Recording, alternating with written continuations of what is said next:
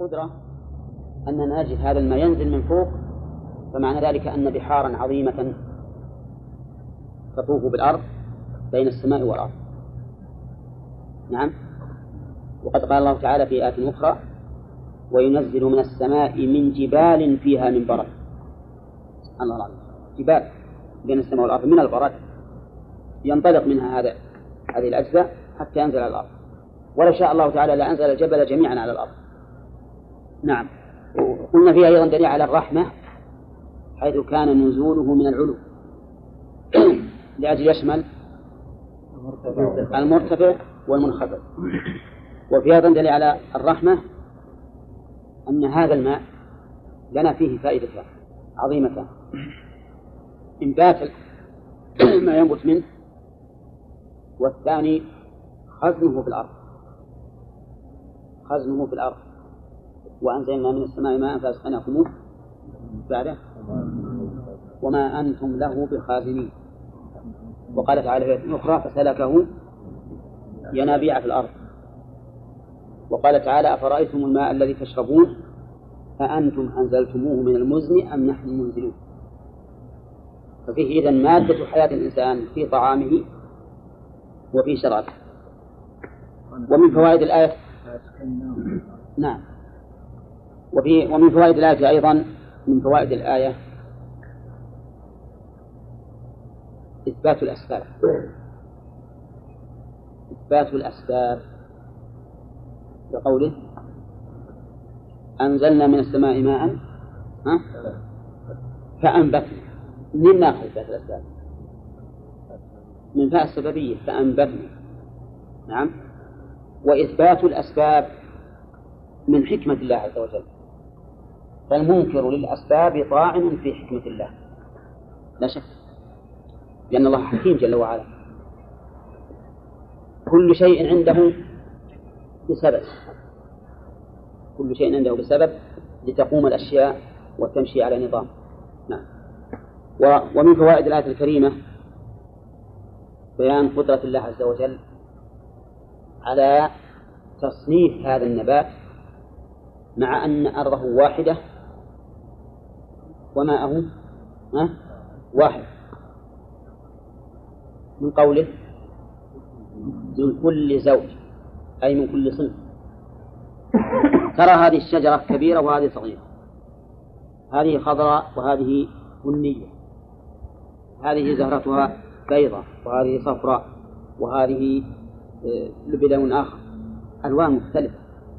مع أن الماء واحد والأرض واحدة. وهذا دليل على كمال قدرة الله عز وجل. نعم. ومن فوائد الآية الكريمة أن هذا النابت أن هذا النابت فيه منفعتان لنا وهما النظر إليه والبهجة والسرور به. ولهذا إذا وقف الإنسان على روضة معشبة تتكفأ الرياح أزهارها يجد سرورا. وأنسا ثانيا ما يحصل من هذه ما يحصل من هذا النبات من المنافع لنا ولبهائمنا قال الله تعالى ثم شققنا الأرض شقا فأنبتنا فيها حبا وعنبا وقضبا وزيتونا ونخلا وحدائق غلبا وفاكهة ووبا متاعا لكم ولأنعامكم. نعم. ونقطع هذا انتهى. نعم. مثال قول خلق السماوات أن السماوات أجرام مكسوسة أن ومن أنكرها أنكر أن تكون مكسوسة فهو مكذب للقرآن. والمكذب للقرآن يكون كافرا. وهذه مسألة خطيرة لأن الآن من لا يؤمنون بالله واليوم الآخر ما يقرون بأن هناك أجرام سماوية. يقول إن أفلاك ومجرات ونجوم وما أشبه ذلك ولا يقرون بالسماء. والذي يصدقهم في ذلك مكذب للقرآن فيكون كافرا به والعياذ بالله. قال الله تعالى هذا خلق الله فأروني ماذا خلق الذين من دونه الاستدلال من هذه الآية الكريمة الاستدلال بتوحيد الربوبية على توحيد الألوهية. لقوله هذا خلق الله يعني مخلوقا وهم يقرون بأنه خلق الله. فإذا أقروا به لزمهم الإقرار بتوحيد الألوهية. وعلى هذا فنقول يؤخذ من هذه الآية الاستدلال بتوحيد الربوبية على توحيد الألوهية. ولهذا نظائر القرآن. منها قوله تعالى يا أيها الناس اعبدوا ربكم الذي خلقكم والذين من قبلكم. فقال اعبدوا ربكم الذي خلق. كأنه يستدل بكونه ربا خالقا على أنه يجب أن تكون العبادة له وحده. وهذا دليل عقلي ملزم. ومن فوائد الآية الكريمة الاستدلال بالأظهر على ما ينكره الخصم. لأن هذا استدلال بأمر ظاهر واضح على أمر ينكره الخصم وهو إنكار ألوهية الله انفراد الله تعالى بالألوهية. ومن فوائد الآية الكريمة استعمال التحدي في المناظرة. بقوله فأروني ماذا خلق الذين من دونه. ومن فوائد الآية الكريمة أن أولئك المنكرين لتوحيد الألوهية في ضلال. أنهم ظالمون. أنهم ظالمون وفي ضلال مبين. لقوله تعالى بل الظالمون في ضلال مبين. ومن فوائد الآية الكريمة عجز جميع الأصنام المعبودة أن يخلقوا مثل خلق الله. كقوله فأروني ماذا خلق الذين من دونه. وإذا كانت عاجزة عن الخلق كانت غير مستحقة للعبادة. قال الله عز وجل يا أيها الناس ضرب مثل فاستمعوا له. إن الذين تدعون من دون الله لن يخلقوا ذبابا ولو اجتمعوا له. زد على ذلك. وإن يسلبهم الذباب شيئا وإن يسلبهم الذباب شيئا لا يستنقذوه منه. ضعف الطالب والمطلوب. ثم قال تعالى ولقد آتينا لقمان الحكمة أن اشكر الله إلى آخره. في هذه الآية الكريمة بيان منة الله سبحانه وتعالى على لقمان بإعطائه الحكمة. ولقد آتينا لقمان الحكمة. ومن فوائدها أن الحكمة قد ينالها من ليس بنبي. نعم. لأن لقمان على قول الجمهور ليس نبيا. ومن فوائدها وجوب الشكر لله. بقوله أن يشكر. ومنها أي من الفوائد أن شكر الله من الحكمة. لأن قوله أن يشكر هذا من تفسير الحكمة. فالشكر لله لا شك أنه من الحكمة. لأن الحكمة هي إيش؟ موافقة الصواب أو وضع الشيء في موضعه ولا شك أن شكر الله موافق للصواب وأنه وضع للشيء في موضعه. ومن فوائد الآية الكريمة أن الشاكر ثوابه لنفسه. ومن يشكر فإنما يشكر لنفسه. ومنها أن الله تعالى لا ينتفع بطاعة الطائعين. بل طاعة الطائعين لأنفسهم. يتفرع على هذه الفائدة أن أمر الله عز وجل عباده بطاعته أو بعبادته أنه مجرد إحسان إليه. لأن هذا النفع لهم كما لو كنت تربي الصغير وتقول كل من هذا الطعام والبس هذا الثوب واشرب هذا الماء فأنت تأمره. لكن الأمر لمصلحته هو. نعم. ومن فوائد الآية الكريمة أن الكافر لا يضر الله شيئا. وقوله ومن كفر فإن الله غني عن العالمين آه غني حميد. وفي الحديث القدسي يا عبادي لو أن أولكم وآخركم وإنسكم وجنكم كانوا على أفجر قلب رجل واحد منكم نعم. ما نقص ذلك من ملكي شيئا. ومن فوائد الآية الكريمة إثبات هذين الاسمين لله عز وجل وهما الغني والحميد. وإثبات ما تضمنه من صفة وهي الغنى والحمد سواء كان حامدا أم محمودا. ومن فوائدها ومن فوائدها اتصاف الله تعالى بالصفة المركبة من الوصفين. وهما الغنى والحمد. فليس كل غني يحمد وليس كل محمود غنيا أما الله عز وجل فقد اجتمع في حقه الغنى مع الحمد وذلك لكمال جوده وكرمه سبحانه وتعالى. يعني كل من أتى الله حكمة عليها أنها أكثر ما يقتصر على لقمان. إيه. منة الله على لقمان بالحكمة. غير يعني كل حكيم عليه منه أكثر لما يؤخذ يمكن يؤخذ من قوله أن يشكر لله. لما أمره بالشكر بإتيان الحكمة. يمكن يقال يؤخذ منها أن كل من من الله عليه بحكمة فعليه أن يشكر الله أكثر من غيره. نعم. تدخل الحكمة وأنها من نعم الله ذكرناها منة الله على لقمان بالحكمة هذا معناه أنها نعمة. أما مدحها فنعم فظاهر فيها أنها الحكمة من أفضل ما يعطى الإنسان. ومن فوائد الآية ثم قال تعالى ووصينا الإنسان بوالديه. نعم. وإذ قال لقمان لابنه يا بني لا تشرك بالله. من فوائد هذه الآية الكريمة ملاطفة المخاطب. باستدعاء قبوله لما يوجه إليه. بقوله؟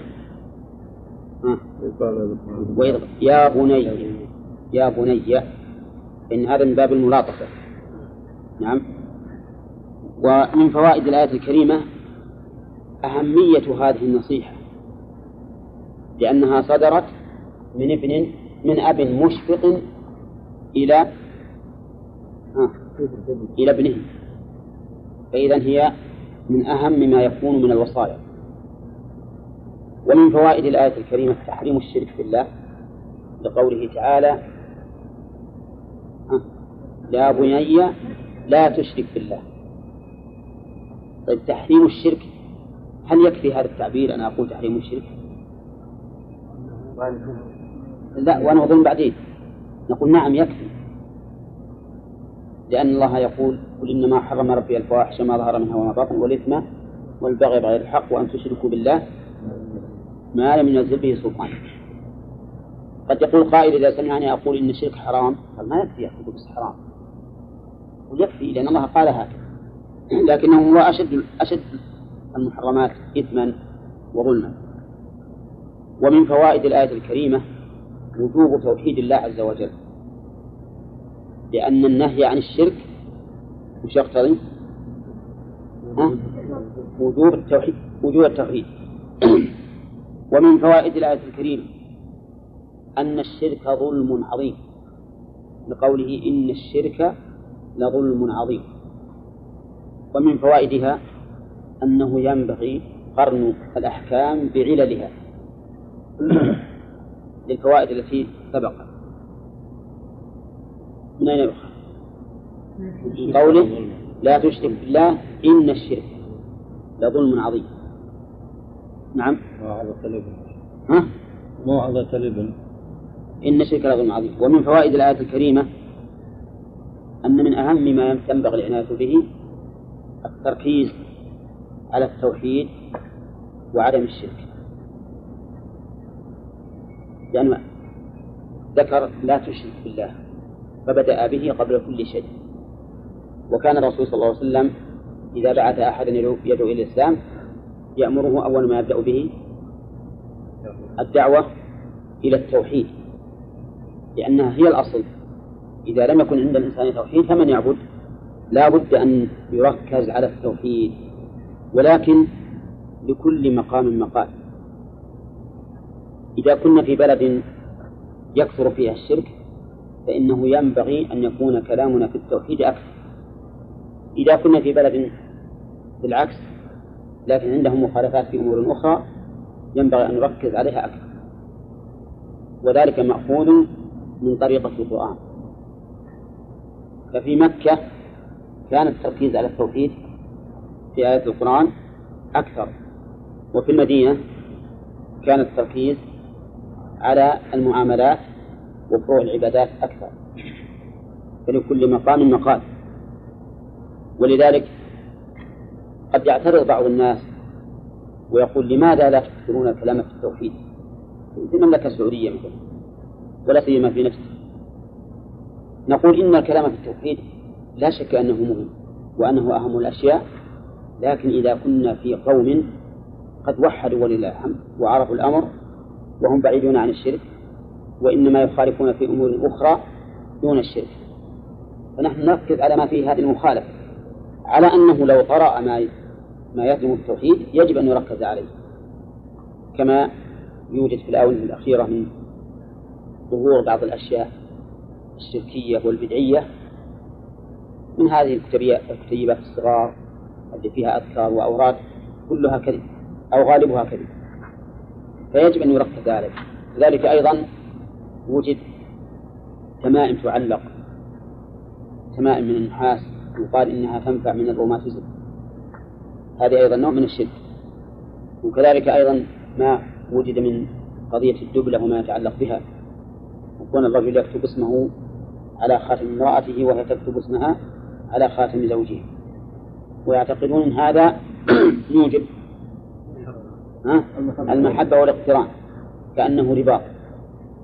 هذا أيضا من الشرك وهو من التولة إذا اطرأت مثل هذه الأمور يجب أن تحارب وأن يركز عليها وأن يكثر القول فيها حتى لا تنتشر.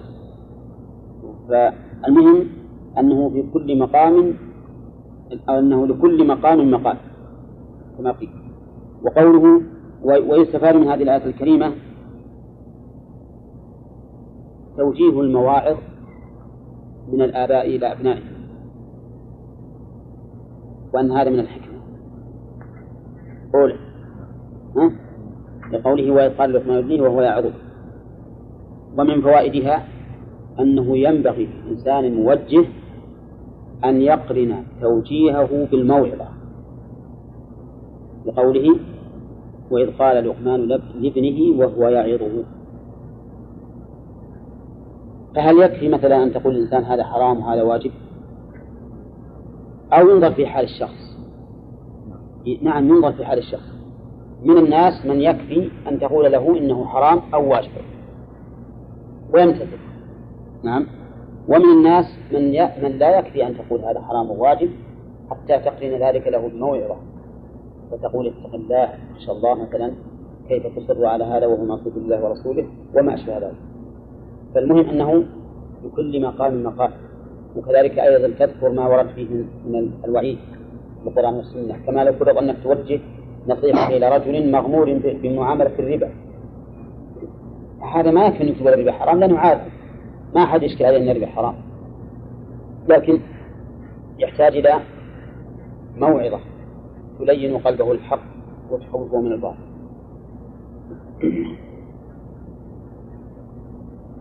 ثم قال الله عز وجل ووصينا الإنسان بوالديه حملته أمه وهنا على وهن.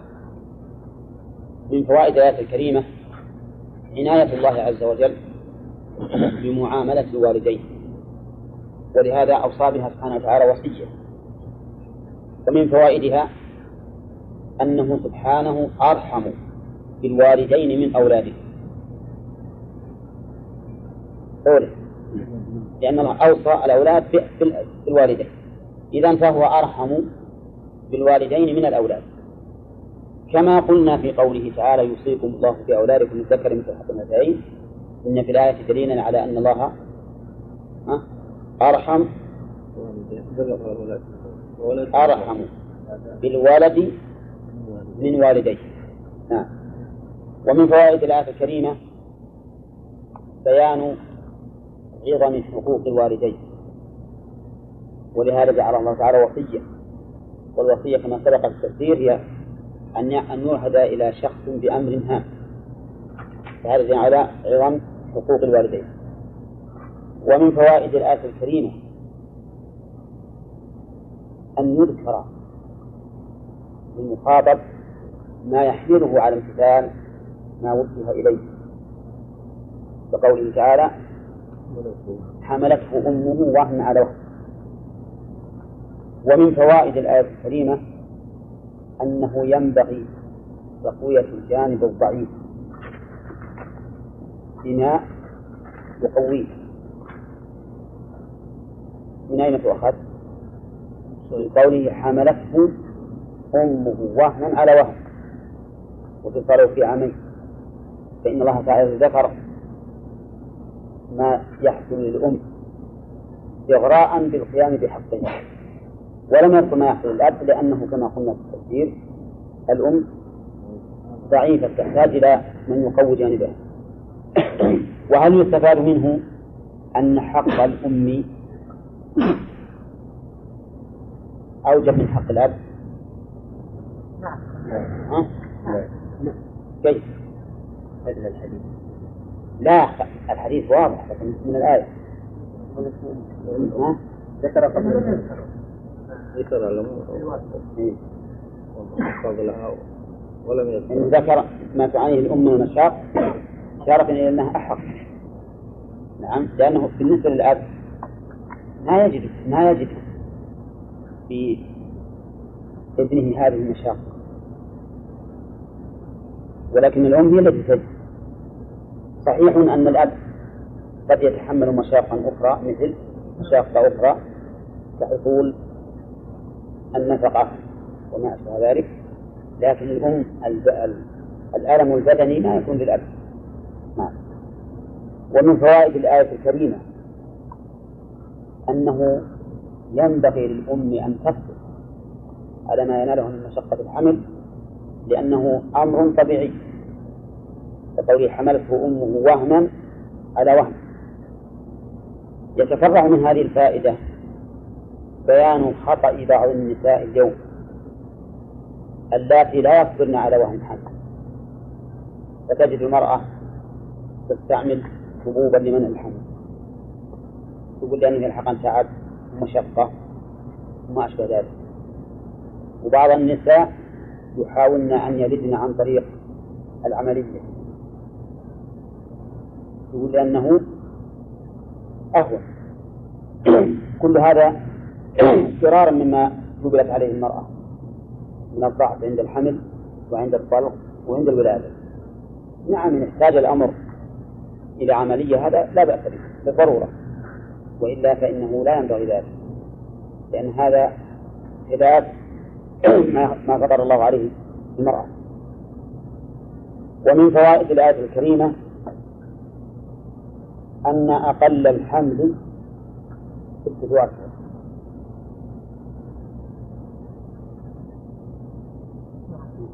من قوله من قوله وفصاله في عامين.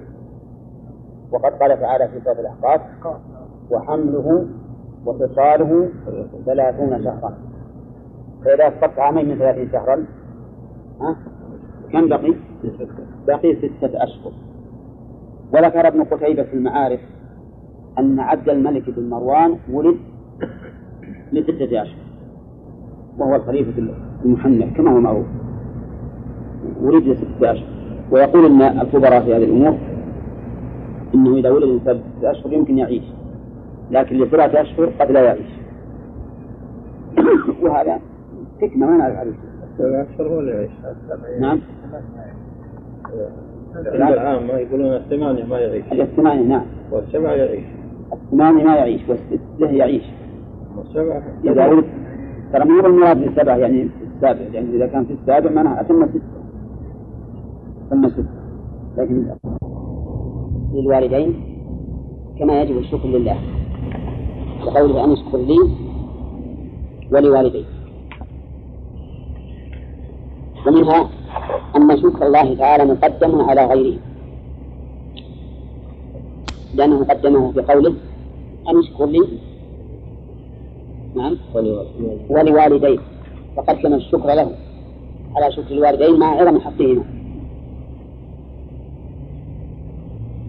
هذا أظن نوقف عليه يبين المرسل قرأنا هذه. طيب ومن فوائد الآية الكريمة أن مرجع الأمور إلى الله في قوله إلي المصير وتقديم الخبر يدل على الحصر أنها إلى الله وحده ومن فوائد الآية الكريمة أن التحذير والتخويف من المخالفة لأن قوله إلي المصير يعني وسأحاسبه أيها الإنسان. فصلة هذه الجملة فيما قبلها أنها تفيد التهديد والتحذير لمن يخالف. ثم قال الله تعالى وإن جاهداك على أن تشرك بما ليس لك به علم فلا تطعهما. إن جاهداك هذا من ذات اليوم. الضمير في قول جاهداك ضمير الفاعل يعود. نعم. على الوالدين. ومعنى جاهداك يقول ما ذكر معناها لكن معناها بذل الجهد. بذل الجهد معك. على أي شيء؟ على أن تشرك بي ما ليس لك به علم. يعني على أن تجعل معي معي شريكا. لا علم لك به. وقول ما ليس لك به علم هو قيد لبيان الواقع. وليس قيدا احترازيا لأنه لا يمكن أن يوجد علم بأن لله تعالى شريك. وهذا كقوله تعالى ومن يدعو مع الله إلها آخر لا برهان له به فإنما حسابه عند ربه. فإن قال قائل ما فائدة هذا القيد؟ وقد علم أنه لن يوجد. قلنا الفائدة فيه تحقيق هذا الأمر حتى لا يحاول أحد أن يبحث ويطلب علما أو برهانا بأن الله تعالى له شريك. فكأنه يقول هذا هو حقيقة الواقع وما كان حقيقة الواقع لا يمكن أن نتخلف. فهذا هو فائدة قوله ما ليس لك به علم. وقوله ما ليس ما هذه؟ يحتمل أن تكون اسما موصولا أي الذي ليس لك به علم ويحتمل أن تكون نكرة موصولة أي أن تشرك به شريكا ليس لك به علم. وقوله فلا تطيعهما جواب الشرط وهو إن جاهداك إن جاهداك فلا تطيعهما. فكأن قوله فلا تطيعهما. ولم يقل فلا تبرهما ما قال فلا تبرهما ولم يقل أيضا فأعصهما لأن كلمة لا تطيعهما أهون في النفس من كلمة فأعصهما. ولهذا كان قول إبراهيم عليه الصلاة والسلام لأبيه يا أبت إني قد جاءني من العلم ما لم يأتك. أهون من قوله يا أبت إنك جاهل بما بما عندي. فقد قد جاءني من العلم ما لم يأتك لأن نفي الكمال أهون من إثبات النقص. نفي الكمال أهون من إثبات النقص. النفوس ويذكر أن أحد الملوك رأى في المنام أن أسنانه قد سقطت. فقال ادعوا لي معبرا يعبر هذه الرؤيا. فجاءوا برجل ليعبره فقص عليه الرؤيا فقال يموت أهلك. ثم قال يموت أهلك فزع الملك. فزع وغضب وقال اجلدوه. فجلدوه وانصرف قال أعطنا غيره فجاءوا برجل آخر. فقص عليه الرؤيا فقال الملك يكون أطول أهله عمرا نعم. فأكرمه وأصبح عليه النعم. ومعنى ذلك؟ معناه متقارب إذا كان أطولهم عمر معناه بموجود قبله. الحاصل أن أن التعبير له أثر على النفس. كلمة لا تطيعهما أهون من كلمة تعصيهما ثم قوله لا تطيعهما ما قال لا تبرهما أو لا تقم بحقهما. حقهما واجب ولو أمراك بالشرك. إذا كان الوالدان لهما حق واجب ولو أمراك بالشرك فكيف إذا أمراك بما دون الشرك؟ ولهذا حق الوالدين ليس بالأمر هجر فلا تطيعهما. لماذا لا تطيعهما؟ لأنه لا طاعة لمخلوق في معصية الخالق. فإن حق الله أوجب من حق الوالدين. هو الذي أوجب لهما الحق. فكيف نضيع حقه من أجل حقه؟ قال وصى قال قال المؤلف رحمه الله وإن جاهداك على أن تشرك بي ما ليس لك به علم يقول موافقة للواقع هذا تفسير لقوله ما ليس لك به علم. أن هذا هو الأمر الواقع أنه ليس لك بذلك علم. فلا تطعهما وصاحبهما في الدنيا معروفا أي بالمعروف. البر والصلة صاحبهما في الدنيا. كلمة في الدنيا في ظرفية لا شك فيها. ولكن هل المراد في الدنيا المراد في زمن الدنيا؟ أو المراد في شؤون الدنيا؟ يحتمل أن يكون مراد الشؤون.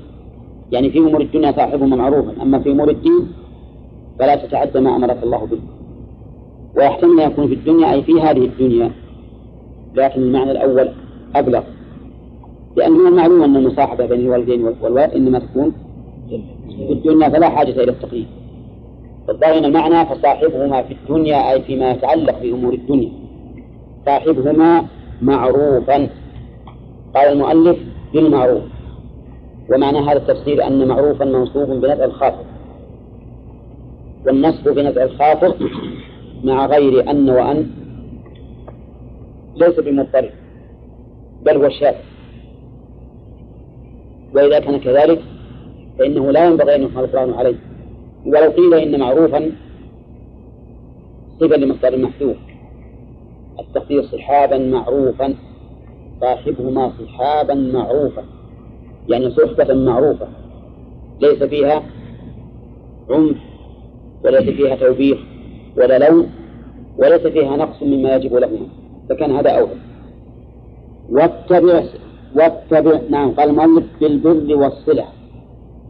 البر كثرة الخير والصلة عدم القطيعة فالمعنى صلهما وبرهما بما يستحقان منك لكن في في أمور الدنيا فقط. واتبع سبيل من أناب إلي اتبع سبيل طريق من أناب إلي رجع إلي بالطاعة. قول اتبع سبيل من أناب من هذه؟ اسم موصول. واسم الموصول يفيد العموم. فهل هو على عمومه؟ أي اتبع سبيل من أناب إلي منهما أو من غيرهم أو هو عام أريد به الخصوص أي من أناب إلي منهما. الأولى أن نقول بالعموم اتبع سبيل من أناب إلي من كل الناس. نعم؟ وعليه فمن أناب من الوالدين إلى الله عز وجل يكون اتباع سبيله من باب أولى. وقول اتبع سبيل من أناب إلي أناب بمعنى رجع. رجع من أين؟ من المعصية إلى الطاعة فمن الشرك إلى التوحيد ومن الفسوق إلى الاستقامة والتقوى. يقال إن سعد بن أبي وقاص رضي الله عنه لما أسلم قالت له أمه ما هذا الدين الذي أتيت به؟ فقال هذا هو الحق. فقالت له لتتركن أو لا أدعن الطعام والشراب حتى أموت فتعير بي. فقال هذا حق لا أدعو. فأمسك عن الطعام والشراب يوما كاملا فلما أصبحت إذا هي مجهولة يعني تعبانة من الجوع والعطش. فطلب منها ولدها أن تأكل وتشرب وقال أنا لن أرجع عن هذا الدين. ولكنها أبت في اليوم الثاني أصبحت أكثر المهتم فقال لها كما قال الأول أنني لن أدع هذا الدين. فبقيت على عنادها. فلما كان في اليوم الثالث وإذا هي قد أصبحت مجهودة جهدا شديدا. فقال لها يا أمي تعلمين أن هذا هو الحق. والله لو كانت نفسك مئة نفس. وماتت كل نفس يعني وحدها والله ما أدع هذا الدين. وأنت هواه فلما رأت أن الرجل عازم أكل. مثل هذه الحال هل يجوز للإنسان إذا رأى أن أمه بتموت أو أبوه بيموت؟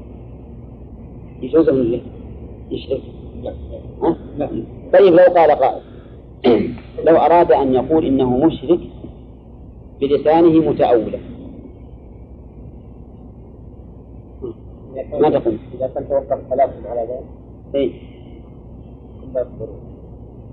يجوز. إلا من ما يخالف لكن هذا أن أكره نفسه على شيء. أما هذا ما أكره على شيء. هذا هذا نفس كافرة. تأمر بالكفر.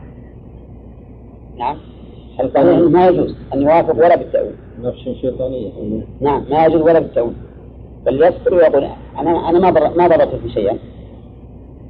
أنا ما ضربت أي شيء تبي من من أمور الدنيا فأنا مستعد بالله أنا ما ضربت فإن شئت فمثل ما قال إن شئت فكلي وإن شئت فلا تأكل وقد يكون التأويل التأويل هذا إعانة على الكفر. إي نعم نعم في مبالغ في مبالغ في محاسن لا شك. نعم فالمهم انه لا يجوز ان أن يساعد. أن يقول ولو متأولا. ولو متأولا. نعم لو خاف على نفسه هو. وهذا فرق بين أن يخاف على نفسه غيره أو على نفسه. لو خاف على نفسه هو أن يقتل فله أن يقول ذلك متأولا. كقوله إلا من أكره وقلبه مطمئن بالإيمان.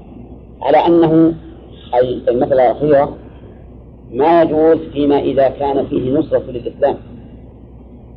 فإنه إذا كان في ثبوته نصرة للإسلام وفي موافقته ظاهرا خذلان للإسلام حرم عليه ذلك. لأنه حينئذ يدخل في باب في باب الجهاد مثل ما حصل الإمام أحمد رحمه الله. دعي إلى القول بخلق القرآن. ودعي غيره أيضا إلى القول بخلق القرآن. فمن العلماء من تأول وأجاب ظاهرا بما يدعى إليه. ومنهم من أصر فقتل ومنهم من أصر فحماه الله من القتل كالإمام أحمد. الإمام أحمد ما ما أجابه. ولا بالتأويل. لأن الناس ينظرون ماذا يقول الإمام أحمد. فلو قال إن القرآن مخلوق ولو بالتأويل ماذا يقول العامة؟ يقول المخلوق. وتنطلي هذه البدعة على على عموم المسلمين. فرأى رحمه الله أنه لا يجوز أن يتأول في هذه الحال لما في ذلك من خذلان الحق وإثبات الباطل. نعم. في قصة الناس يدورون الرجل اللي قبل البابة اللي عندهم قال. يعني يقصد شيء بغير الله قال ما ما كنت لا يقرب أحد من شيء. دون الله هذا مر في كتاب التوحيد فلو قائلا هذا مر علينا في كتاب التوحيد وقلنا أن الحديث ضعيف. الحديث ضعيف. وأنه على تقدير صحته يكون هذا الرجل قد قرب مطمئنا بالإيمان بالكفر قد شرح بالكفر صدره ها؟ خارج من القتل لمن قتلوا صاحب القتل. اي ما يخالف لكن هو لا خاف من القتل. هل إنه فعله دفاعا؟ ولا فعله مطمئنا؟ القتل الأخير هو؟ الحديث القتل الأخير. اللي عين القتل. أين اللي عين القتل. في هذه الحال نقول هذا الرجل الأول اللي قرب قرب لأن سؤال الاخ احمد عن الأول.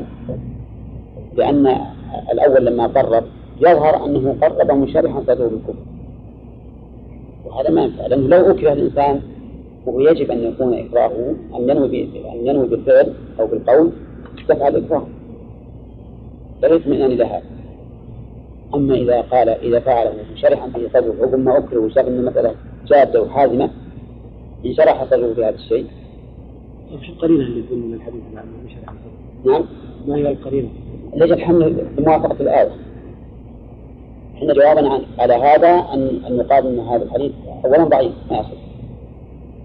والثاني على تقدير صحته يحمل على ما يوافق الآية الكريمة. ما يمكن إذا ثبت عن الرسول ما يمكن أن يكون مخالف للقرآن. ما مانع. قال قال الله الله سبيله ما مانع. قال ما عندي شيء أقرب قال أقرب له قال فقرب بذلك على طول. قرب بذلك معناه إن شرع بكل صدرا إي نعم. ما قال ما نقرب الباب أو أجبره. قال المهم أنه شرح بكف صدر لما أكره على هذا. إيه. نعم. إيه لكن إذا صح الحديث عن الرسول فمعناه الاعتبار على الاعتبار مثل ما قصدنا من من المستبق نعتبر به لا لا ما ما هو علشان هذا علشان إن, إن الأمم السابقة إذا قص الرسول علينا قصة ما هو معناه بس اسمعوها ولا تعتبروها معناها الاعتبار لكن الحديث كما قلنا لك في شرع التوحيد الحديث ضعيف ولا يصح. الإكراه عليه دفعا للإكراه وإن جاهداك على أن تشرك فيما ليس لك به علم فلا تطعهما ما معنى قوله جاهداك الرحمن؟ ثم هذا التعقيب لما ذكر سبحانه وتعالى أنهما إذا أمروا بالشرك لا يطيعهما وأن الواجب عليه اتباع سبيل من نبي الله. قال ثم أي بعد هذه المحاولات منهما بأن تشرك بالله وبعد أن تطير فالمرجع إلى الله. وقوله إلي مرجعكم جملة اسمية. خبرية. قدم فيها الخبر لإفادة الحصر إلي لا إلى غير مرجعكم يعني مردكم كما قال الله تعالى وإلى الله ترجع الأمور. فأنبئكم بما كنتم تعملون. يقول فأنبئكم بمعنى أخبركم بما كنتم تعملون. والإنباء هذا يستلزم المجازاة. وقد وقد لا يكون هناك مجازاة. ولهذا دائما يعبر الله عز وجل بالإنباء أي الإخبار لأنه قد يجازي وقد لا يجازي. فإنه يخرج عبده المؤمن ويخبره بذنوبه ويقرره بها ثم بعد ذلك يقول سترتها عليك في الدنيا وأنا أغفرها لك اليوم. وقوله فأنبئكم بما كنتم تعملون. أي بالذي كنتم تعملون وهو شامل لكل ما يعمله الإنسان من صغير وكبير. دون ما لم يعمله فلو هم بالشيء فلم يعمله فإنه لا يجازى عليه. لكن قد يثاب عليه. قد يثاب عليه إذا كان معصية تراكها من أجل الله عز وجل فإنه يثاب على هذا الترك. قال فأجازيكم عليه وجملة الوصية وما بعدها اعتراف. المؤلف فأجازيكم عليه كأنه جعل من لازم الإنباء المجازاة. ولكني قلت لكم ليس ليس لازما. ولهذا عبر الله عز وجل بالإنباء ليكون الأمر جائزا أو دائرا بين أن يجازى عليه وبين أن لا يجازى عليه. وقول وجملة الوصية وما بعدها اعتراض الوصية مبتدأ من قوله ووصينا الإنسان بوالديه. اعتراض من قول الله عز وجل وليس ذلك من قول لقمان لابنه. يعني الذي وصى بالوالدين إحسانا ووجه هذه الأحكام هو الله عز وجل.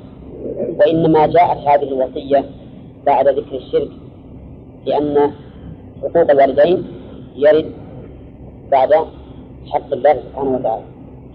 وفي هذه وفي, وفي الوصية أيضا جملة اعتراضية في نفس الوصية أيضا جملة اعتراضية. كما هي قوله حملته أمه وهنا على وهن وفصاله في عامين.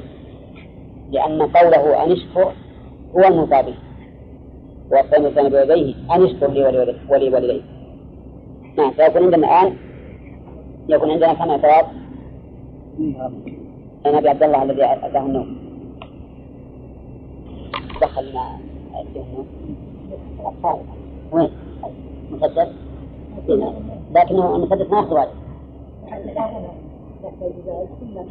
اي هذا يخرج طيب. إذا نقول في هذا الوصية اعتراضية بين كلامي لقمان لابنه وقول حملته أمه على وهن اعتراض أيضا بين فعل الوصية والمنطبق نعم. ثم قال الله عز وجل عودا على وصايا لقمان. يا بني إنها أي الخصلة السيئة. إن تكن مثقال حبة من خردل فتكن في صخرة أو في السماوات أو في الأرض. يأتي بها الله. إن الله لطيف خبير. قوله إنها أي الخصلة السيئة فيه قصور لأن الصواب المراد إنها أي الخصلة السيئة أو الحسنة. كل شيء من حسن أو سيء إن تكون مثقال حبة من خردل مثقال أي وزن. وسمي ذلك أو سمي ذلك مثقالا لأنه يعتبر بثقله. فإن الشيء يوزن ليعلم ثقله من صفته وقول حبة من خردل هذه سطوح معروفة صغيرة. فتكون في صخرة. في صخرة في أي مكان؟ في أي مكان من الأرض؟ لأننا لا نعرف صخورا إلا في الأرض. لكن الذين خرجوا إلى القمر جاءوا لنا منه بصخور.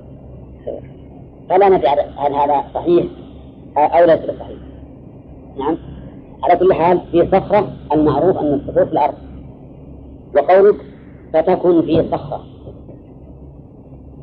هل يمكن أن يكون حبة من خردل في صخرة؟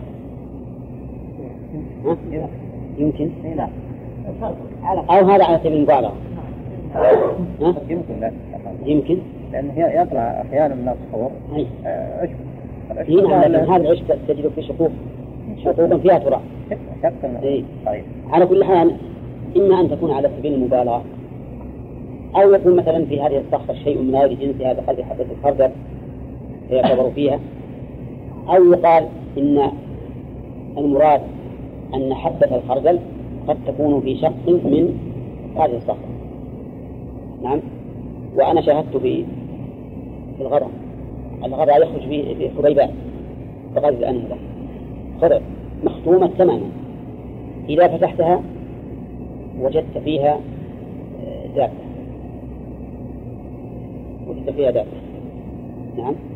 دابة تدب على بطنها. وهي مختومة وفي نفس الغصن. يعني ما تجد فيها فتح. يعني مخلوق منها هذا الشيء. هذا حطها الرمح. الرمح أيضا إيه القرد هذا اللي يمشي. إيه. صغار وثلاثة إيه إيه. يطلع من الرمح. نعم. فتكون في صخرة أو في السماوات أو في الأرض. يعني أو في أعلى السماوات أو أنزلها أو في الأرض في أعلاها أو أنزلها. نعم. أو في السماوات والأرض. أي في أخفى مكان من ذلك. يأتي بها الله يأتي. وش الأول حاليا؟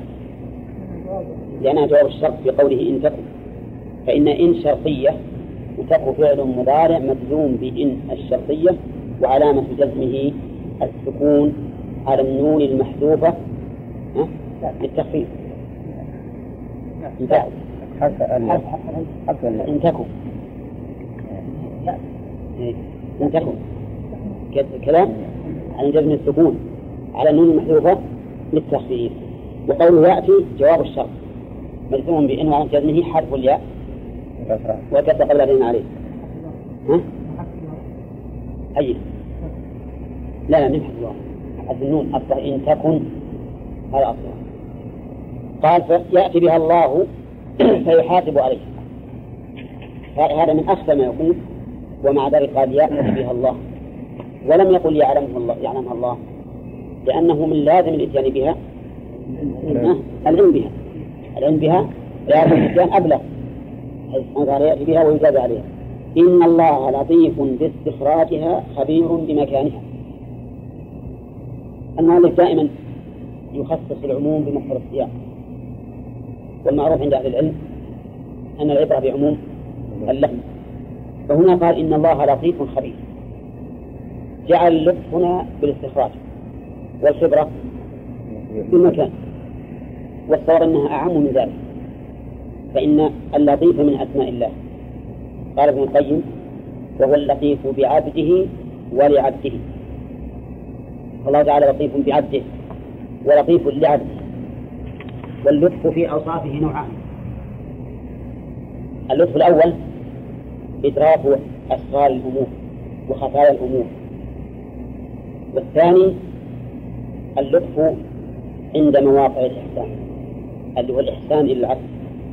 يلطف له بمعنى يقدر له من الإحسان ودفع السوء ما لا يعلم به. فيكون لطيف يتعدى بالباء ويتعدى باللام. فإن تعدى بالباء فهو بمعنى العلم العلم بالخفايا بخفايا الأمور. وإن تعدى باللام لطيف له. فهو بمعنى الإحسان بجلب المطلوب ودفع المكروه أو المكروه. قال الله تعالى إن ربي لطيف لما يشاء. هذا قال من؟ يوسف. إن ربي لطيف لما يشاء. يعني ومن لطفه أن يسر الاجتماع بكم بعد الفراق. إنه هو العليم الحكيم. فالحاصل أن اللطيف من أسمائه تعالى. وله معنيان حسب ما يتعدى به. إن تعدى بالله لطيف لما يشاء فمعناه الإحسان. وإن تعدى بالباء فمعناه العلم بالخفايا. فهو بكمال علمه لطيف. كل شيء يعلم به. فيه معنى ثالث لكن ننظر هل ينطبق على أوصاف الله ولا لا. اللطيف هو الرقيق. عند الناس يقولون فلان لطيف. يعني رقيق حسن الخلق. وعندي أن هذا داخل في قولنا إن ربي لطيف لما يشاء. يعني متعدى بالله لأن معناه الإحسان. فإن الإحسان أخف أيضا من من حسن الخلق. أخف لأنه يتضمن الإنعام على من لطف له. وأما قوله خبير فالخبير هو العليم ببواطن الأمور. وهو مع اللطيف كالمؤكد له. وسمي العلم ببواطن الأمور خبرة مأخوذ من الخبار يعني الأرض الرخوة التي تبذر فيها البذور وتدس فيها. فهو خبير سبحانه وتعالى عالم ببواطن الأمور.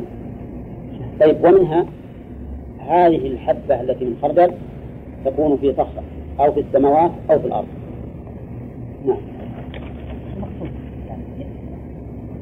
يأتي بمعنى أنها لا تفوت ولا ولا ولا, ولا نعم ولا تهرب منه. لا بد أن يأتي بها ويحافظ عليها أو يأتي بها ليظهر قدرته عليها. المعنى إذا كانت حية ولا المعنى يقول إن كانت الخصلة إن تكون مثقال حبة من خردل فتكن في صخرة أو في السماوات أو في الأرض فإنه يأتي بها. من العمل من الأعمال. اللي في مثال هذا الشيء. نعم. ثم قال عز وجل يا بني أقم الصلاة وأمر بالمعروف وانهى عن المنكر واصبر على ما أصابك إن ذلك من عزم الأمور. هذه أربعة أوامر. يا بني أقم الصلاة. شوف الأول نواحي. يا بني لا تشرك بالله. إن الشرك لظلم عظيم. نهي. ثم تحذير بقوله إن تكون مثقال حبة من خردل. ثم بعد ذلك أمر. يا بني أقم الصلاة. ولهذا يقال التخلية قبل التحلية. نعم. يعني معناه أزل الشوائب ثم أتي بالمكملات. فقوله هنا يا بني أقم الصلاة. أمر بإقامة الصلاة. ومعنى إقامتها أن يأتي بها الإنسان تامة بأركانها وشروطها وواجباتها ومكملاتها. وقول الصلاة شامل للمفروضات والنوافل وأمر بالمعروف. أمر بالمعروف. أين مفعول الأمور؟ محذوف. التقدير الناس أو غيرك وأمر غيرك بالمعروف أي بالقول المعروف والفعل المعروف. والمعروف ما أمر به الشرع. هذا المعروف. لأن ما أمر به الشرع قد أقره الشرع وأقره الكبر السليم فالمعروف إذن كل ما أمر به شرعا هكذا يا حمد؟ هكذا؟ طيب المعروف كل ما أمر به الشرع. نعم؟ سواء يتعلق بحق الله أو بحق العباد. وقوله وانهى عن المنكر المنكر كل ما أنكره الشرع أي نهى عنه سواء يتعلق بحق الله أو بحقوق العباد الأمر بالمعروف والنهي عن المنكر هل هو واجب عيني أو على الكفاية؟ واجب على الكفاية. كقوله تعالى وتكن منكم أمة يدعون إلى الخير ويأمرون بالمعروف وينهون عن المنكر. إذا جعلنا من للتبعيض. نعم. أما إن جعلنا ما إن من لبيان الجنس والمعنى ولتكونوا أمة تأمر بالمعروف وتنهى عن المنكر فإنه يكون فرض عين ولكن الصواب أنه فرض كفاية لأن المقصود به إصلاح الغير. فإذا حصل إصلاح الغير بغيرك نعم حصل المقصود. أما إذا لم يحصل فإنه يجب أن تعمل. فإذا وجدنا من الناس تهاونا في هذا الأمر وتكاسلا صار فرضا علينا أما إذا رأينا أن الناس قد استقاموا على هذا وصاروا يأمرون بالمعروف وينهون عن المنكر فإنه يكون في حقنا نعم. فرض كفاية. فرض كفاية. وقوله وانهى عن المنكر حتى والديك. حتى الوالدين. تأمرهم بالمعروف وتنهاهم عن المنكر. بل إن حق الوالدين أعظم من حق غيرهم. لأن الأمر بالمعروف والنهي عن المنكر إحسان للمأمور والمنهي وليس إساءة. فإذا كان كذلك فأحق من تحسن إليه والدك. نعم. الأمر بالمعروف عن المنكر هل هو الموعظة ولا كل واحد يعني فرد لا وإحنا ذكرنا فيما سبق أن المراد الثلاث بيان ودعوة وأمر ونهي وتغيير البيان والدعوة واجبان على كل أحد. كل أحد يجب عليه أن يبين.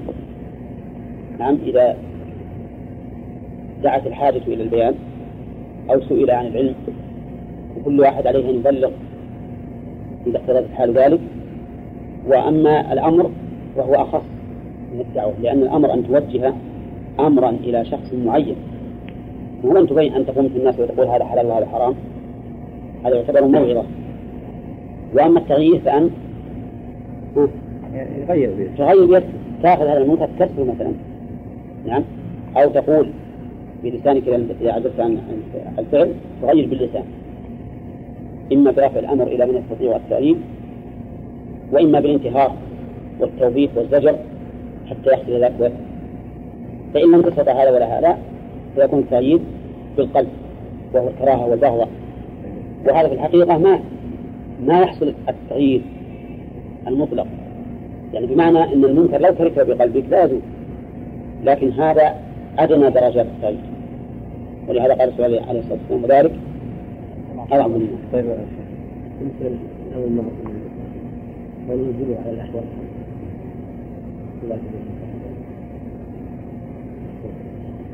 لا من في بعض الحالات يكون الأمر بالمعروف والنهي عن المنكر محرم لا ما يكون محرم لذلك. يعني إذا إذا إذا كان فيه مثلا شيء إذا كان إذا نهينا عن المنكر يلزمه أن يأمر ولا ينهى. وهذا شرط في كل واجب لقوله تعالى فاتقوا الله ما استطعتم. ومن الشروط أيضا أن لا يخشى ضررا محققا. فإن خشى الضرر بماله أو بدنه لم يلزم لم يلزمه فإن خشي الأذية لزمه ولا لا؟ إن خشي الأذية لزمه لأنه لا بد من أذية. لكن أذية ما ما فيها ضرر. ولهذا قال واصبر على ما أصابك. اصبر على ما أصابك هذا توطئة تمهيد كأنه يقول له إذا أمرت بالمعروف ونهيت عن المنكر فلا بد أن يحصل لك أذية. فاصبر على هذا. وهذا هو الواقع. فإن الآمر بالمعروف والنهي عن المنكر غالبا يؤذى. يؤذى. يؤذيه المأمور والمنهي. إما بالقول وإما السخرية وربما تصل الحال إلى أنه يرميه بالحجارة أحيانا. وربما تصل الحال إلى أنه يخرب سيارته. أو يكسر بابه أو ما أشبه ذلك. لكن الأخير هذا ضرر ضرر بالمال. ولكن لا بد أن يكون الأمر محققا. أما إذا كان وهما عن عن ضرر فليس بشيء. إي نعم. ما لأنه قد قد يضر وقد لا قد يضر وقد لا وقال إن ذلك من عزم الأمور. إن ذلك المشار إليه ما سبق من من الأمور الأربعة. أقم الصلاة. وأمر بالمعروف وانهى عن المنكر واصبر على ما أصابك. قال أي إن ذلك من عزم الأمور أي معزوماتها التي يعدم فيها لوجوب يعدم عليها لوجوبها الأمور بمعنى الشؤون والأحوال. والعزم هنا مصدر بمعنى اسم المفعول أي معلوماتها التي يعزم عليها لأنها واجبة. الله أعلم. جاهداك على أن تشرك بي ما ليس لك به علم فلا تطعهما. من فوائد الآية تحريم طاعة الوالدين إذا أمرا بالشرك. لقوله فلا تطيعهما. ويقاس على ذلك كل معصية أمر بها فإنهما لا يطاعان. لقول الرسول عليه الصلاة والسلام لا طاعة لمخلوق في معصية الخالق. ومن فوائد الآية الكريمة أن فسوق الوالدين وكفرهما لا يسقط حقهما من البر. من أين تؤخذ؟ من قوله وصاحبهما في الدنيا معروف. فإنه أمر بمصاحبتهما معروفا مع أنهما كافرين ويأمران بالكفر ومن فوائد الآية الكريمة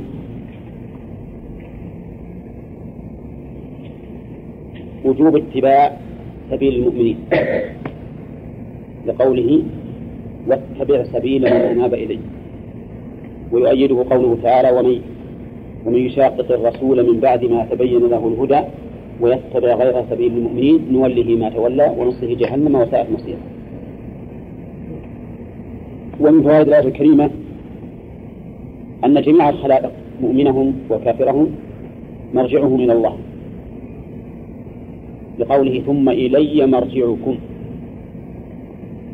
ومن فوائدها أن الحكم بين الخلق إلى الله. لقوله إلي مرجعكم فإن تقديم الخبر يدل على الحصر. ومنها إحاطة الله تعالى بكل شيء علما. لقوله فأنبئكم بما كنتم تعملون. فإن الإنباء بما نعمل لا يكون إلا عن علم. ومن فوائد الآية الكريمة إثبات الكلام لله. لقوله فأنبئكم. والإنباء والإخبار ومن فوائدها أيضا تحذير الإنسان من الأعمال السيئة. فإن قوله فأنبئكم يفيد التحذير حتى لا نقع في أمر حرمه الله عليه. ومن فوائد الآية الكريمة أيضا بلوغ الغاية في البلاغة في القرآن الكريم. لقوله فأنبئكم ولم يقل فأجازيكم. وذلك أنه قد ينبأ الإنسان يوم القيامة بما عمل ثم يغفر له ثم يغفر له. فذكر الله الإنباء لأنه مؤكد. أما المجازات فإن الله تعالى قد يغفر عن عن المذنب ذنوبه وهل يؤخذ من الآية الكريمة وجوب طاعة الوالدين في غير معصية الله؟ وجوب طاعتهم من أين؟ يعني ما هل على الشرك إذا لكنها عن طاعتهم نهى عن طاعتهم بالشرك أي فلا نهى عن الطاعة. ما نهى عن الطاعة.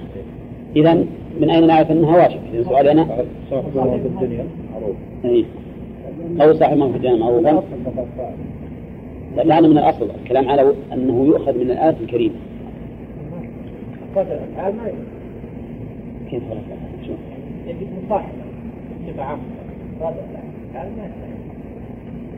وعلى كل حال إذا أمر بغير المعصية فالآية سكتت عن ذلك. حرمت الطاعة في المعصية وسكتت عما عدا ذلك. لكن قد يقال إن قوله وصاحبهما في الدنيا معروفا يدل على وجوب طاعتهما في غير المعصية لأن لا شك أن من مصاحبتهما بالمعروف امتثال أمرهما امتثال أمرهما. وعلى هذا فقد يستدل بقوله بعموم قوله وصاحبهما في الدنيا معروفا على وجوب طاعتهما في هذه المعصية. ولكنه سبق لنا أثناء التفسير أن شيخ الإسلام ابن تيمية يقول تجب طاعتهما فيما فيه نفع لهما ولا ضرر عليه فيه. أما ما فيه ضرر عليه فلا يجب عليه الطاعة. ولهذا لما ذكر أهل العلم أن للأب أن يتملك من مال ولده ما شاء قالوا بشرط أن لا يضر الولد. فإن ضر الولد فإنه ليس له أن يتملك. بل قالوا بشرط أن لا يضره وأن لا تتعلق به حاجته. فإن تعلقت به حاجته فليس له أن يتملكه. نعم. تعلق. لا حاجته الخاصة بمعنى إنه إنه مثلا ما يجد غيره ولا مثلا حاجة كشف يحتاجه لكن مثلا إناء يحتاجه يشرب بداله لكن سرية يحتاجها. ما نقول للأب أن تتملكها لأن هذا يفوت على على الابن حاجته واستمتاعه بها. نعم. تعارف الناس على الانصاف الذين هي واجبه نعم. نهى الله عن الشرك. حتى يخرج عن المعصية. فبقيت الطاعه عن الأصل. إيه بس من غير الآية. ما هي الآية؟ إيه من غير الآية. اللي تقول من أدلة أخرى. وجود الطاعة بين هذه الآية وبين قوله تعالى. إذ قال إبراهيم قد كانت لكم حسنة في إبراهيم الذين معه فقال لقومه إن إبراهيم كفرنا نعم. واليسرى نعم. أي نعم. كل هذه ما في منافاة. لأن معنى ليس معنى مصاحبتهم بالمعروف أن تبدي لهم المحبة والولاية بل أنت تبغض ما هم عليه من الكفر والشرك وتبغضهم على هذه هذه الصفة التي بها ولكن تعطيهم ما يجب لهم. نعم. البشاشة لهم من المعروف إذا عرف عليه الناس لكن بس هذا مو مو سببه الدين مو سببه الدين هو ليس سببه الدين انفراد عن عن دينهم فهذا أمر تقتضيه الطبيعة. والعداوة والبغضاء في القلب والكفر لأن عداوة ضد الولاية. نعم. نعم. نعم. ما يمنع هذا. ما يمنع طرف من الأرض ولكن ما, ما, ما نؤذيهم بمعنى أننا نرسل مثل الجدار وما أشبه ذلك. ما يمنع. ثم يقال أيضا نقول لكل مقام مقال. فمثلا إذا كان الوالدان أو يتبجحان بالكفر ويفتخران به فلنا أن نعلن هذه البراءة والعداوة والبغضاء. وإذا كان ساكتين مسالمين فنحن لا, لا نتعرض لهما لكن نتبرأ على صفة العموم مما هم عليه من الدين. والمهم أن الله يقول صاحبهما في الدنيا. أما فيما يتعلق بالدين فلا تصاحبهما معروفا أبدا. فيما يتعلق بالدين يجب أن تكرههما وتبتعد عنهما وتعاديهما. ثم قال تعالى في بقايا وصية لقمان يا لقمان يا بني إنها إن تك مثقال حبة من خردل فتكون في إلى آخره في هذا في هذه الوصية فائدة وهي تحذير الإبن من المخالفة. لقوله يأتي بها الله فلا تخفى عليه ولا تفوتوه. ومن فوائد الآية الكريمة عموم علم الله عز وجل وتمام قدرته. من أين نأخذ العموم؟ من أين يقول فتكن في صخرة أو في السماوات أو في الأرض والذي يكون باردا على الأرض وليس في الصخرات. من باب أولى فيستفاد منه عموم علم الله وإحاطته وتمام قدرته أيضا وذلك بالإتيان بها يأتي بها. ومن فوائد الآية الكريمة. إثبات هذين الاسمين من أسماء الله. إن الله لطيف خبير. وإثبات ما تضمناه من من الصفة. ومن فوائدها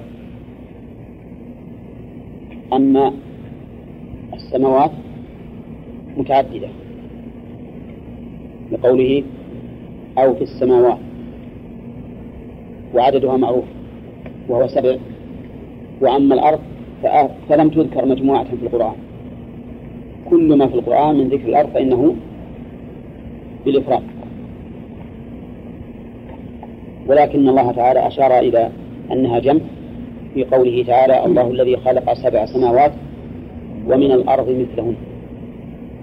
فإن قوله مثلهن يراد المثلية في العدد إذ أن المثلية في الكيفية مستحيلة. فلازم أن تكون مثلية في العدد فقط. ثم قال تعالى من بقية وصايا الرحمن يا بني أقم الصلاة وأمر بالمعروف وانهى عن المنكر واصبر على ما أصابك. فمن فوائد الآية الكريمة أنه ينبغي للآباء أن يوصوا أبناءهم بهذه الخصال الأربع.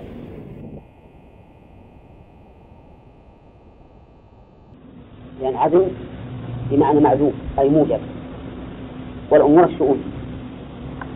ومن فوائد الآية الكريمة أنه ينبغي للأب أن يقرن موعظته لابنه بالترغيب والترهيب. فإن قوله إن ذلك من عدم الأمور تأكيد وحث على الابن أن يقوم بهذه الوصايا الأربع نعم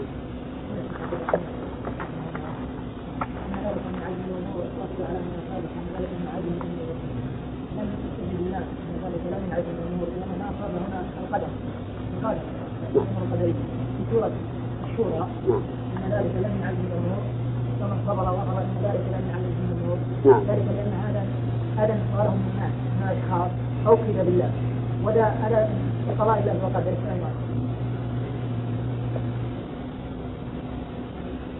تحتاج إلى تأمل طلبت نعم. إي نعم. هذه أخذناها من قبل.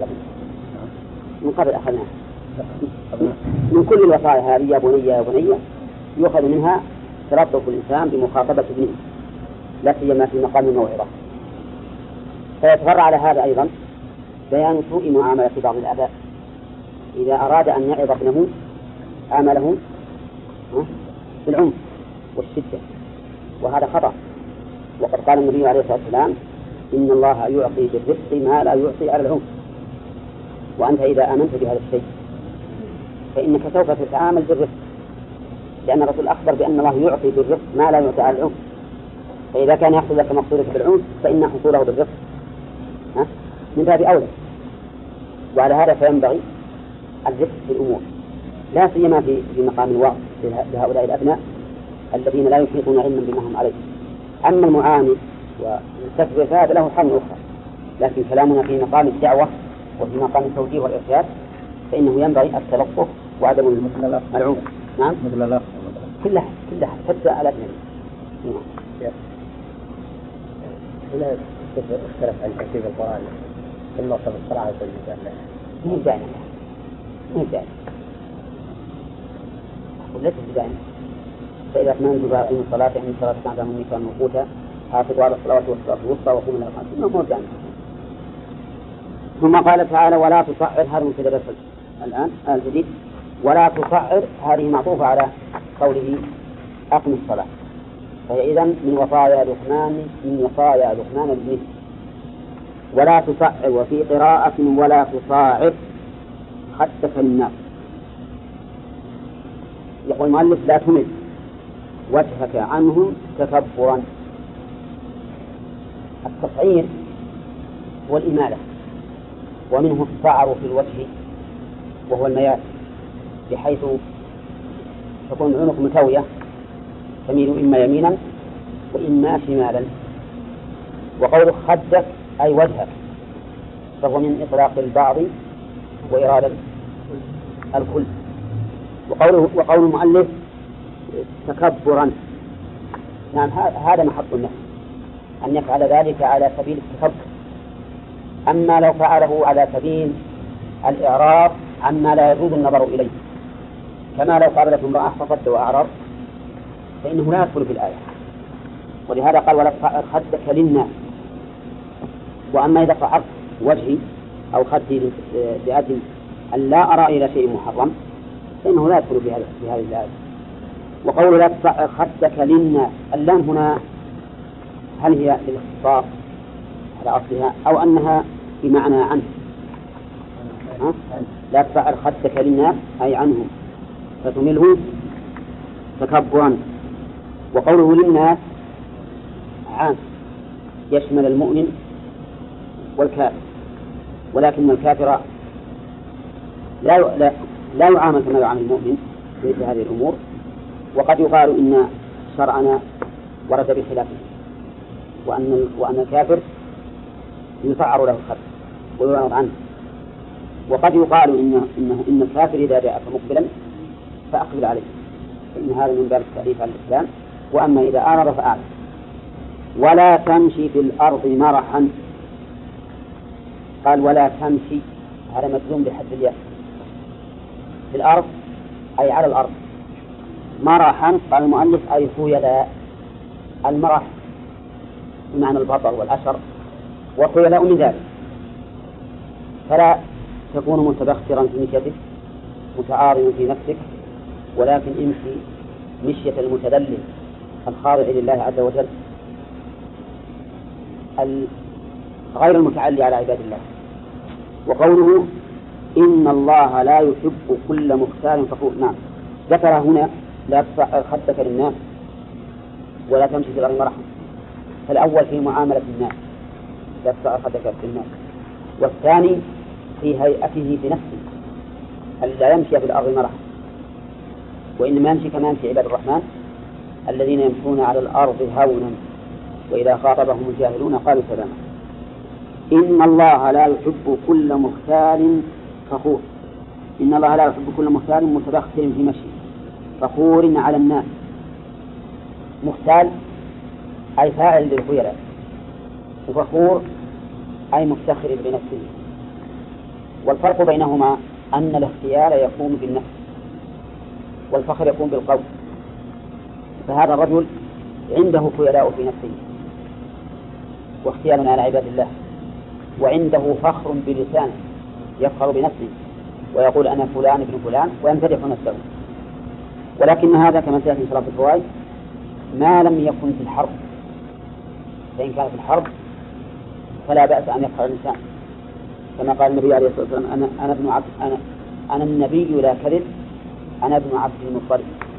ورأى بعض أصحابه يمشي مشية المتبختر فقال إن هذه لمشية يبغضها الله إلا في هذا الموطن ففي باب الحرب يجوز للإنسان أن يفتخر ويجوز أن يتعاظم في نفسه لأنه أمام أعداء الله الذين ينبغي إذلالهم واقصد في مشيك توسط فيه بين الدبيب والإسراع وعليك السكينة واقصد في مشيك واغضب وعليك السكينة والوقار. واغضب اخفض من صوتك.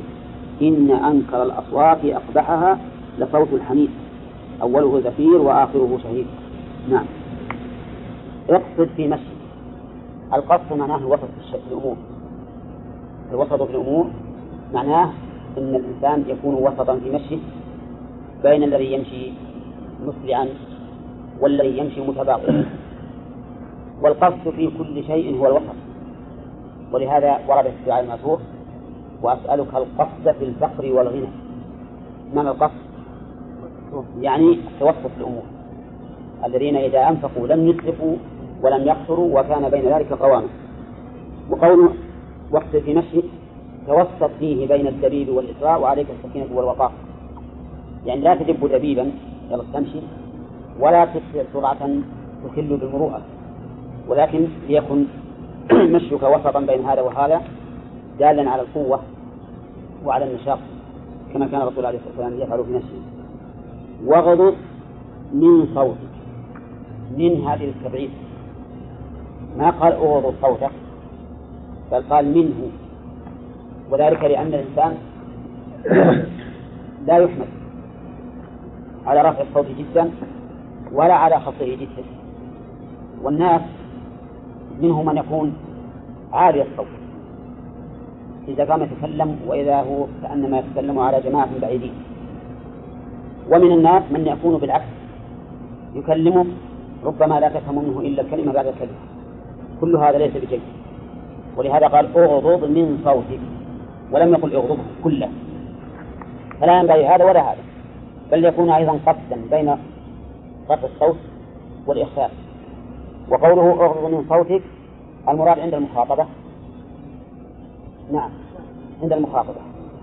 ثم إن من هنا تفيد التبعيض في الكيفية وكذلك في الكمية في بعض الأحيان يكون الأفضل أن ترفع صوتك. أليس كذلك؟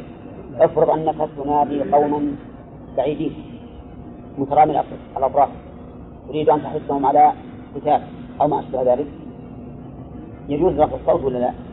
يجوز. ولهذا العباس بن عبد المطلب في غزوة الخفيف لما انصرف الناس أمره النبي عليه الصلاة والسلام أن ينادي. فقال بأعلى صوته يا يا أهل الشجرة يا أصحاب سورة البقرة. بأعلى صوته. وهذا لا شك أنه ليس غضا من الصوت لأن الله تعالى يقول اغضض من صوت فصار الغض من الصوت باعتبار الكميات وباعتبار الكيفية كيف ذلك؟ مثلا إذا كنت تخاطب من, من إلى جانبك. لا لا ترفع الصوت ولا تخفضه بحيث لا يسمع. هذا باعتبار إيش؟ الكيفية. باعتبار الكمية يعني أحيانا ربما تضطر إلى رفع الصوت. ولهذا قال اغضوا من صوتك يعني أحيانا. لكن في بعض الأحيان تستدعي الحال أن ترفع صوتك بقدر ما تسمع. ثم علل سبحانه وتعالى أو أو يكون من كلام لقمان يقول إن أنكر يحتمل أن يكون من كلام لقمان لأنه الأصل. ويحتمل أن يكون من كلام الله ختم الله به الآية. وقوله إن أنكر الأصوات تعليل لقوله اغضض من صوته إن أنكر الأصوات يعني أقبحها وأبشعها وليس أعلاها لكن أنكرها. لأن السلعة الحيوان من هو أعلى صوتا من الحمار. لكن في القبح ليس فيه أقبح من صوت الحمير. وقوله أنكر الأصوات إلى صوت الحمير الجملة هذه مؤكدة بمؤكدين وهي إن واللام ووجه ذلك ما ذكره المؤلف أن أوله زفير وآخره شهيق. نعم. كيف وش الفرق بين الزفير والشهيق وش ما هو؟ نعم. الشهيق يكون باطنا في والزفير يكون خارجا يكون خارجا. ولهذا قال الله تعالى إذا ألقوا منها مكان ضيقا نعم. إذا رأت من مكان من مكان بعيد سمعوا لها تغيرا وزفيرا. نعم. وكذلك الآية لهم فيها ذكر وشيء هذا باعتبار الساكنين وكذا وقال في آية أخرى سمعوا لها شفيقا وهي تقول نعم. وذكر الله تعالى لنا زفير وشهيق كما أن لساكنيها أيضا زفيرا وشهيقا نعوذ بالله نعم. قال إن أنكر أصوات لصوت الحمير انتهت الوصايا النافعة التي هي من الحكمة التي أتاها الله تعالى لقمان. ثم قال الله تعالى مقررا ما أنعم الله به على عباده. ألم تروا؟ تعلموا يا مخاطبين أن الله سخر لكم ما في السماوات من الشمس والقمر والنجوم لتنتفعوا بها وما في الأرض من الثمار والأنهار والدواب وأسبغ أوسع وأتم عليكم نعمه ظاهرة وهي حسن الصورة. وتسوية الأعضاء وغير ذلك وباطنة وهي المعرفة وغيرها. يقرر الله تعالى في هذه الآية ما أنعم الله به على العباد. فيقول ألم تروا؟ وإنما قلت يقرر لأن همزة الاستفهام إذا دخلت على لم أفادت التقرير. فينقلب الفعل المضارع إلى مؤول بماض مؤكد بقد فمثل ألم تروا؟ أي قد رأيت ألم نشرح لك صدرك؟ أي قد شرحنا لك صدرك. طيب إذا للتقرير لماذا؟ لأنه إذا دخلت همزة الاستفهام على لم أفادت التقرير فينقلب الفعل المضارع بالمعنى إلى فعل ماض مؤكد بقد فيكون معنى ألم تروا؟ أي قد رأيتم. ولهذا في سورة ألم نشرح لك. قال الله تعالى ألم نشرح لك صدرك بعده. ووضعنا. فعطف فعلا ماضيا على ما سبق. لأن ما قبله بمعنى الفعل الماضي. وقول الله سخر لكم. سخر بمعنى ذلل. ذللها لكم. أي لمصالحكم ومنافعكم. ما في السماوات؟ يقول المؤلف من الشمس والقمر والنجوم. وهذا على سبيل التمثيل. وإلا فإنه قد سخر لنا أيضا الرياح وهي بين السماء والأرض وسخر لنا السحاب. كما قال تعالى والسحاب المسخر بين السماء والأرض وهو لنا. فهو عام في كل ما سخره الله تعالى لمصالحنا. وما في الأرض من الثمار والأنهار والدواب. وغيره ها؟ وغيرها أيضا. حتى المعادن وغيرها سخرها الله لنا وذللها لنا. فهذه كل ما في الأرض مسخر مذلل. لكنه لكن بعضه مسخر بطبيعته وبعضه مسخر بواسطة. فالحديد والمعادن وما أشبهها مسخرة لكنها بواسطة. والدواب والأنهار والأشجار مسخرة بدون واسطة. يجد الإنسان مهيئة كاملة. وقوله وأسبغ فسره المؤلف بأمرين. بالسعة والإتمام. أي أوسع وأتم. ومنه إسباغ الوضوء على المكاره يعني إتمام الوضوء. فمعنى أسبغ يعني أوسع وأتم. أما أتم فمثاله ما ذكر. إسباغ الوضوء على المكاره. وأما أوسع فمنه قوله تعالى أن اعمل سابغات. أي دروعا سابغات واسعة نعم.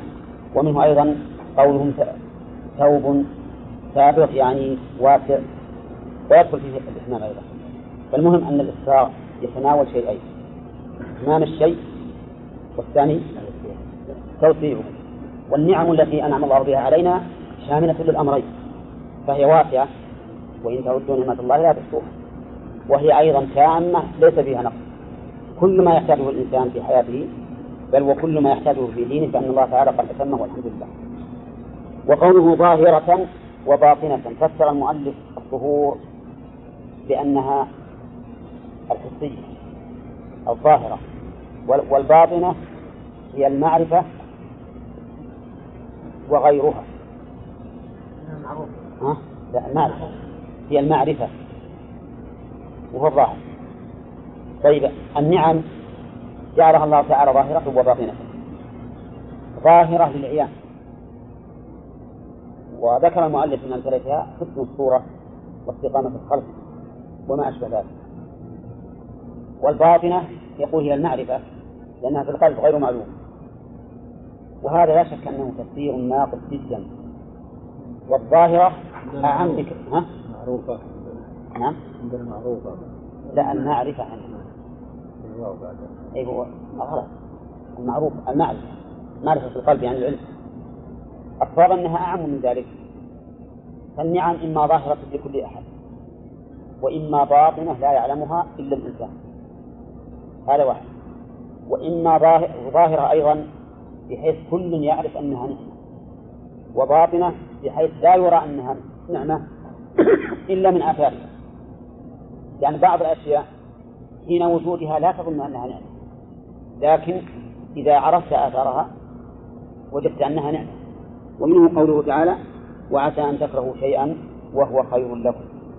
فإن الإنسان أحيانا يصيبه ما يصيب من قضاء الله وقدره فلا يرى أنه نعمة حتى يعرف آثاره فيما بعد. والمهم أن النعم والحمد لله ظاهرة بينة للعيان وعامة شاملة للخلق وشيء باطن لا يعرفه إلا من أنعم الله به عليه. أيضا شيء ظاهر واضح أنه نعمة وشيء باطن لا يتبين أنه نعمة إلا فيما بعد.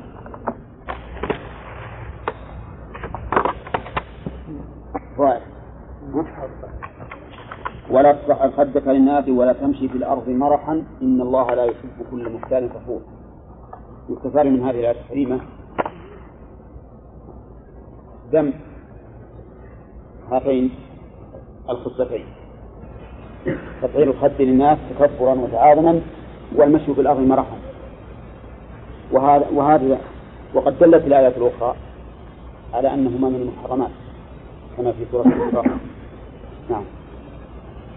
ويستفاد منهما من هذه الآية أيضا أنه ينبغي للإنسان عند محادثة غيره أن يكون مقبلا إليه بوجهه لأن النهي عن تحرير الخد يدل على الأمر بضده وهو أن يكون مقبلا إليه بوجهه. ويستفاد منه منها أنه ينبغي في المشي أن يكون كما قال الله عز وجل بعد ذلك اقصد في مشيك واغض من صوتك ومن فوائد الآية الكريمة إثبات أن الله يحب. من قوله إن الله لا يحب كل مختال فخور. ووجه الدلالة أن نفي محبة الله لهؤلاء يدل على ثبوتها لغيره. ومن فوائد الآية الكريمة تحريم الاغتيال والفخر. لأنه لأن الله نفى محبته له. وقد سبق الفرق بين الاغتيال والفخر. الفخر بالقول والاغتيال بالفعل. ثم قال تعالى واقصد في مشيك واغضض من صوتك. يستفاد من هذه من هذه الآية الكريمة أنه ينبغي للإنسان أن يكون مشيه خفتا لا إسراعا مخلا ولا دبيبا متراطعا الإسراع الذي فيه التهور والعجلة والطيش مذموم. والتراطع